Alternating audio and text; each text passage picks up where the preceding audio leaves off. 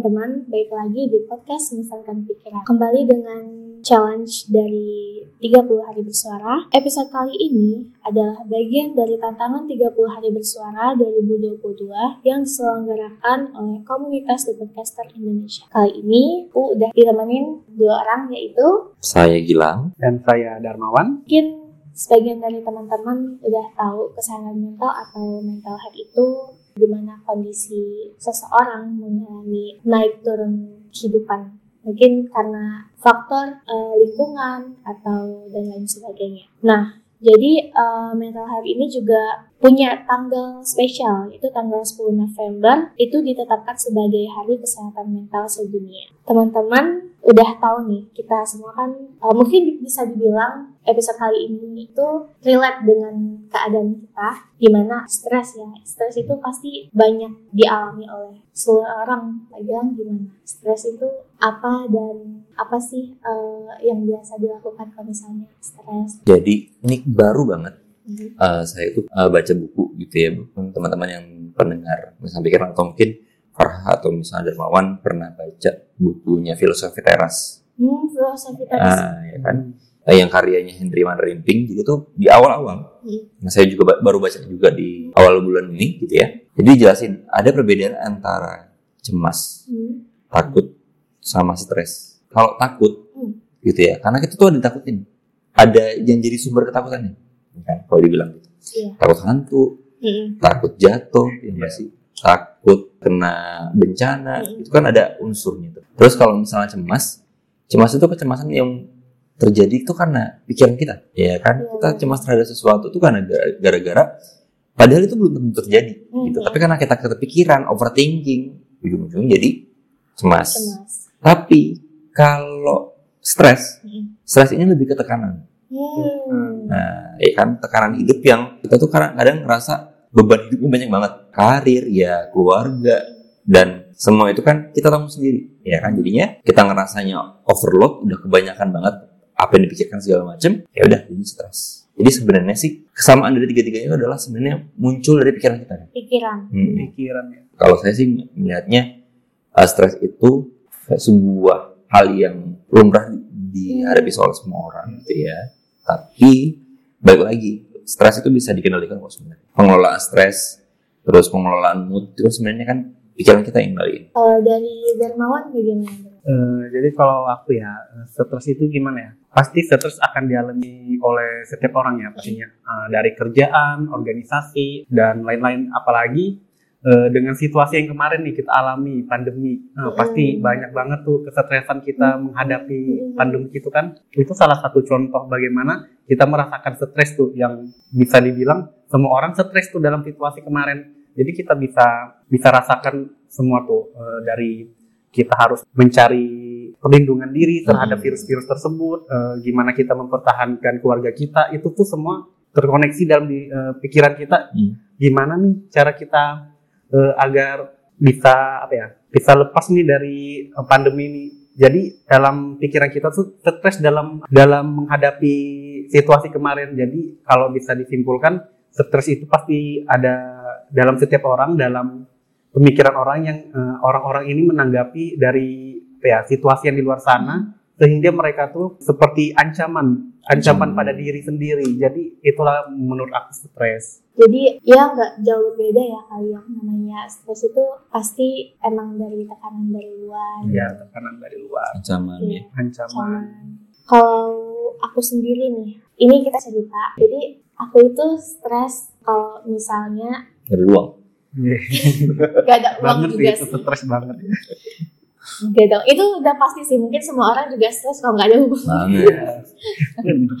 Terus juga yang namanya kondisi ruangan itu berantakan. Wow. Jadi bagaimana eh, misalnya aku ngeliat nih eh, suatu ruangan dan itu eh, mungkin banyak barang, cuman hal kecil gitu aja bikin stres. Bikin stres. Hmm. Iya. Jadi mungkin teman-teman juga eh, ada yang sama kayak aku ya, nggak bisa ngeliat eh, barang yang udah banyak, terus juga berhamburan ke mana-mana, jadi bikin stres. Dan kita bisa ambil contoh dari ini ya, Dari Marie Kondo. hmm, dari ya, Marie Marie Kondo itu. salah satu tokoh yang emang inspiratif banget sih orangnya gitu Hmm. dan katanya sih kan ada tuh di Netflix terus juga dia punya gerakan KonMari gitu kan seni Iya, beberes benar-benar. gitu kan Beres. jadi tuh sebenarnya relate kalau misalnya kita pikirkan gitu kayak gini eh, kayak saya nih misalnya saya itu kalau pribadi ya nggak bisa kerja Hmm. kalau meja itu berantakan Hmm. ya kan Sama, sama. ya kan kalian juga pasti kayaknya hampir mirip gitu karena kita bukan Einstein Hmm. ya kan kalau Albert Einstein kan kalau misalnya ya kalau misalnya dia sih jenius gitu ya orang kalau misalnya ngikutin gayanya dia kan adalah makin mejanya berantakan makin aur-auran gitu ya itu idenya makin banyak Iya, iya. kita bukan Einstein guys Kita kita tuh nggak nggak nggak sejenis itu gitu. punya gitu. Hmm, gitu. Jadi seru sih kalau misalnya tadi Farha berangkat dari kita be- beberes ya. Ya ini ngomonginnya nanti nyambungnya nggak cuman ke kerjaan atau misalnya misalnya Farha atau mau nugas gitu kan atau saya kerja gitu kan itu pertama ngaruh. Tapi ke beberes hati misalnya Hmm. perasaan beberes misalnya rumah aja ya kan itu peng- pengaruh banget tuh Pengaruh. pengaruh me- mental kita kan Jadi emang pentingnya berberes pikiran, berberes hati. hati ya. Jadi nggak hanya berberes eh, rumah gitu ya. Itu kan kita juga perlu ya yang namanya berberes pikiran. Maksudnya kita juga eh, harus ya sekiranya memikirkan hal-hal yang memang patut dipikirkan, Hmm. hal-hal yang memang patut untuk dilakukan. Hmm. kalau ada di Islam itu muhasabah Muasabah. ya kan muhasabah kita tuh kadang-kadang perlu introspeksi kira-kira tuh Hmm. eh, sudah benar atau belum yang kita lakuin gitu kan tapi kadang-kadang tuh beda ya muhasabah sama overthinking tuh beda sebenarnya Hmm. ya karena kalau muhasabah kan kita lebih ke review ya kita kan meriksa kira-kira aku hari ini ngapain aja sih tapi kalau yang overthinking kan hal yang belum kejadian itu udah Benar. kepikiran duluan Dan menjadi duluan. iya dan berimplikasinya tuh pada diri kita dan jadinya stres Hmm, gitu. hmm. Benar. Kayak mungkin Dermawan punya cerita eh, yang mungkin bisa diceritakan mungkin yang eh, berkaitan sama stres sama stres. atau- stres ya Hmm. ya ya stres sih sekarang juga ya Hmm. stres juga sekarang ya Stres. karena ngurusi organisasi wah iya sekarang kan emang organisasi ini lagi sibuk-sibuknya nih lagi banyak program kerja jadi banyak hal-hal yang harus apa ya harus dikejar eh, Hmm. program kerja tersebut Hmm. Eh, dan juga anggotanya juga yang aduh agak susah diatur ya. Itu itu salah satu agak apa ya tekanan tuh terus ya. Ya apalagi kan banyak nih kegiatan-kegiatan di luar sana juga eh, bikin stres juga sih. Hmm. Eh, seperti juga ya kan lagi kuliah banyak Iya, tugas-tugas eh, menumpuk terus ada organisasi eh, terus ada juga kegiatan di luar. Aduh jadi ter- apa ya stresnya tuh bertambah bertambah terus ya tiap hari.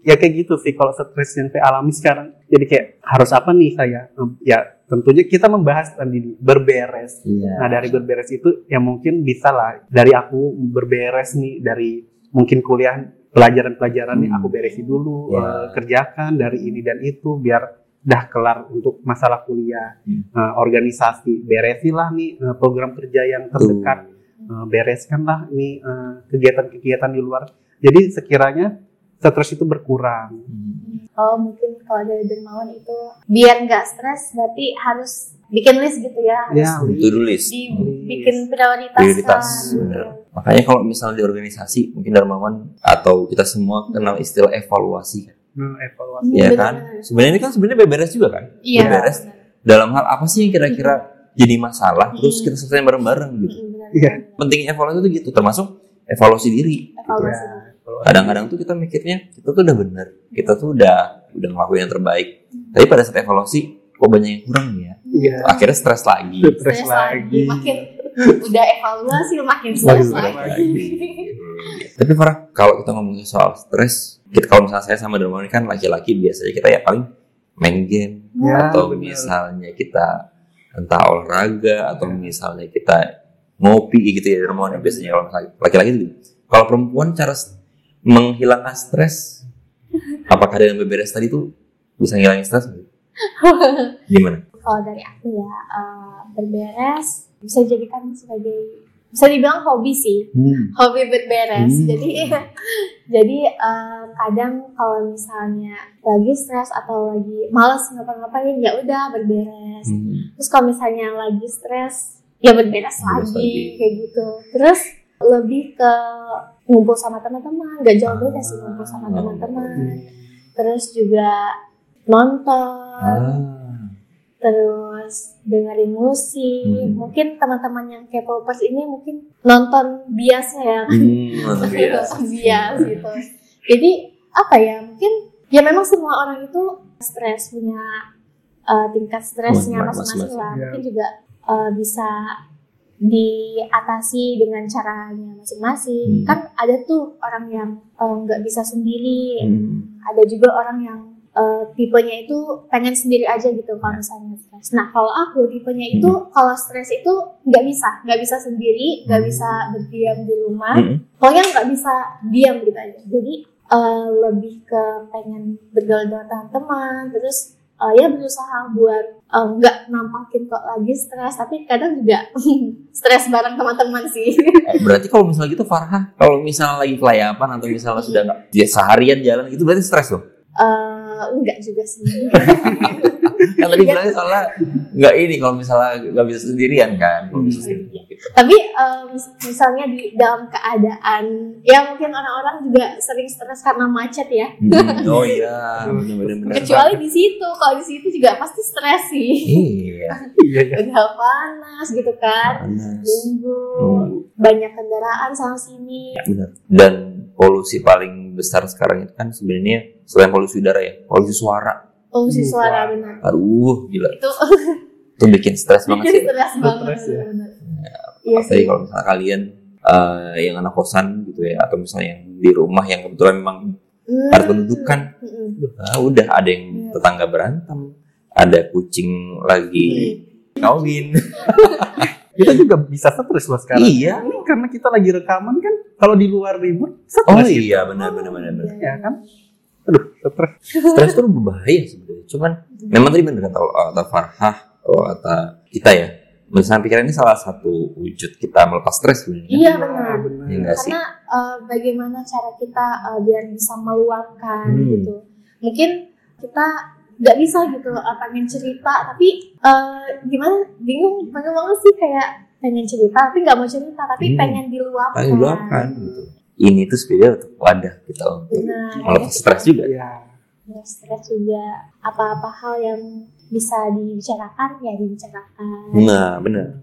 Mungkin eh, ya kita juga eh, nggak bicara doang gitu kita Hmm. juga menyiapkan solusi juga Iya, mungkin betul. buat teman-teman yang lainnya terakhir nih buat acong dulu deh Eh, bagaimana sih biar teman-teman yang lagi stres ini bisa menghandle stresnya Nah. gitu Tadi kan kita membahas berberes. Eh, berberes itu bisa kita ambil contoh tuh buat teman-teman di sana, buat Hmm, eh, biar stresnya lebih berkurang lah. Iya. Karena berberes itu, misalnya teman-teman stres, coba deh teman-teman pikirkan apa nih yang menjadi stres teman-teman. Eh, bisa nih teman-teman mencoba kurangi dengan berberes. Misalnya teman-teman lagi stres dalam organisasi, ya udah berbereskanlah dulu organisasi teman-teman eh, sedikit demi sedikit. hmm, eh, ya pasti beres. Bakal selesai juga Iya, programnya. benar. Stres teman-teman bakalan ya berkurang Hmm. bukan berkurang aja pasti nggak stres kalau stres. memang organisasi teman-teman udah plong gitu eh, kalau dari bapak Iwan Beberes itu sebenarnya beberes rumah bahkan gini. Kalau saya sih ketika udah stres Hmm. gitu ya memang uh, pasti pelariannya entah itu main game, entah itu olahraga gitu itu para stres yang apa ya peluangkan stres paling positif gitu ya. Cuman yang paling sederhana adalah beberes hal-hal ya di sekitar kita kayak misalnya meja kerja atau Hmm. misalnya saya itu punya rutinitas paling nggak sebulan sekali ngeberesin tas. Ibaratnya mau kuliah, mau kerja, mau ibaratnya jalan-jalan gitu dan lain sebagainya. Pasti kita punya tas ya masing-masing dan Hmm, iya. beda-beda kan tasnya. Beda-beda. Kayak misalnya saya, tas kerja kan ada laptop lah, ada kabel-kabel dan lain sebagainya. Semuanya kan mesti diberesin. Mm-mm. Bayangin kalau misalnya, ya nggak tahu ya kalau uh, gini, ini takutnya gender bias sih. gitu. kalau misalnya cewek masukin ke apa barang-barang ke tasnya tuh langsung masukin aja, penting asal aja. Tapi kalau cowok beda. Kita tuh disusun gitu, disusun rapi dan tahu, oh tempat naruh pulpen di mana Iya. tempat naruh misalnya naruh chargeran gimana dan semua tersusun nah mungkin ini jadi solusi buat teman-teman khususnya perempuan-perempuan gitu ya. Karena bagi saya sih seni beberes itu tuh nggak cuma tugasnya laki-laki atau perempuan semua sama. Dimulai dari yang sederhana beresin isi dompet. Mm-mm. ya misal walaupun gak ada uangnya ya. Walaupun lagi lagi belum gajian gitu ya, atau lagi gak ada uang paling nggak kan kayak di dompet tuh kita kan punya apa tempat nusun kartu ya. Iya. ya mulai dipisahkan kan mana yang kartu ATM mana yang KTP mana yang SNK terus dipisah biasanya tuh kan di dompet tuh ada yang nah yang eh, duit recehan dua ribuan lima ribuan taruh di depan terus belakangnya ditaruh duit duit yang gede lima puluh seratus ribu itu kan lebih enak Enak, kitanya iya. ya kan jajan misalnya atau belanja kan juga Hmm. lebih ini tinggal ngeluarin duit gitu. Baik. jadi mulailah dari hal-hal yang sederhana Hal-hal Iya, yang sederhana. perfeksionis. nggak profesional juga sebenarnya cuman itu supaya biar kita apa ya lebih bisa memanajemen Hmm. stres kita sih hidup kita tuh udah stres gitu paling enggak sekitar kita atau badan lingkungan di sekitar kita tuh nggak ikut stres gara-gara kita dalam artian ya bersih deh Kayak mungkin kita simpulkan kalau misalnya teman-teman ini lagi stres, selesaikanlah masalahnya dengan satu persatu. Disusun dengan sedemikian rupa, terus diselesaikan. Jadi itu aja teman-teman podcast kita. Ini seru banget sih. Ini udah nyangkut eh, ke perfeksionis. Bagaimana cara dengan Acong yang mungkin eh, juga perfeksionis dalam mengatur jadwal gitu ya. Eh, jangan lupa juga buat dengerin podcast kita di Spotify, di Noise, di Pogo FM, dan juga kalian bisa ngeliat langsung di YouTube. Misalkan. Jangan lupa juga follow media sosial kita di Instagram yaitu Misalkan Pikiran. Kalau kalian punya cerita atau pengen sesuatu yang ingin diobrolkan bisa banget buat kirim ke email kita misalkanpikiran@gmail.com. Farha pamit undur diri. Bilang pamit undur diri Darman undur diri. Terima kasih semuanya. Bye bye.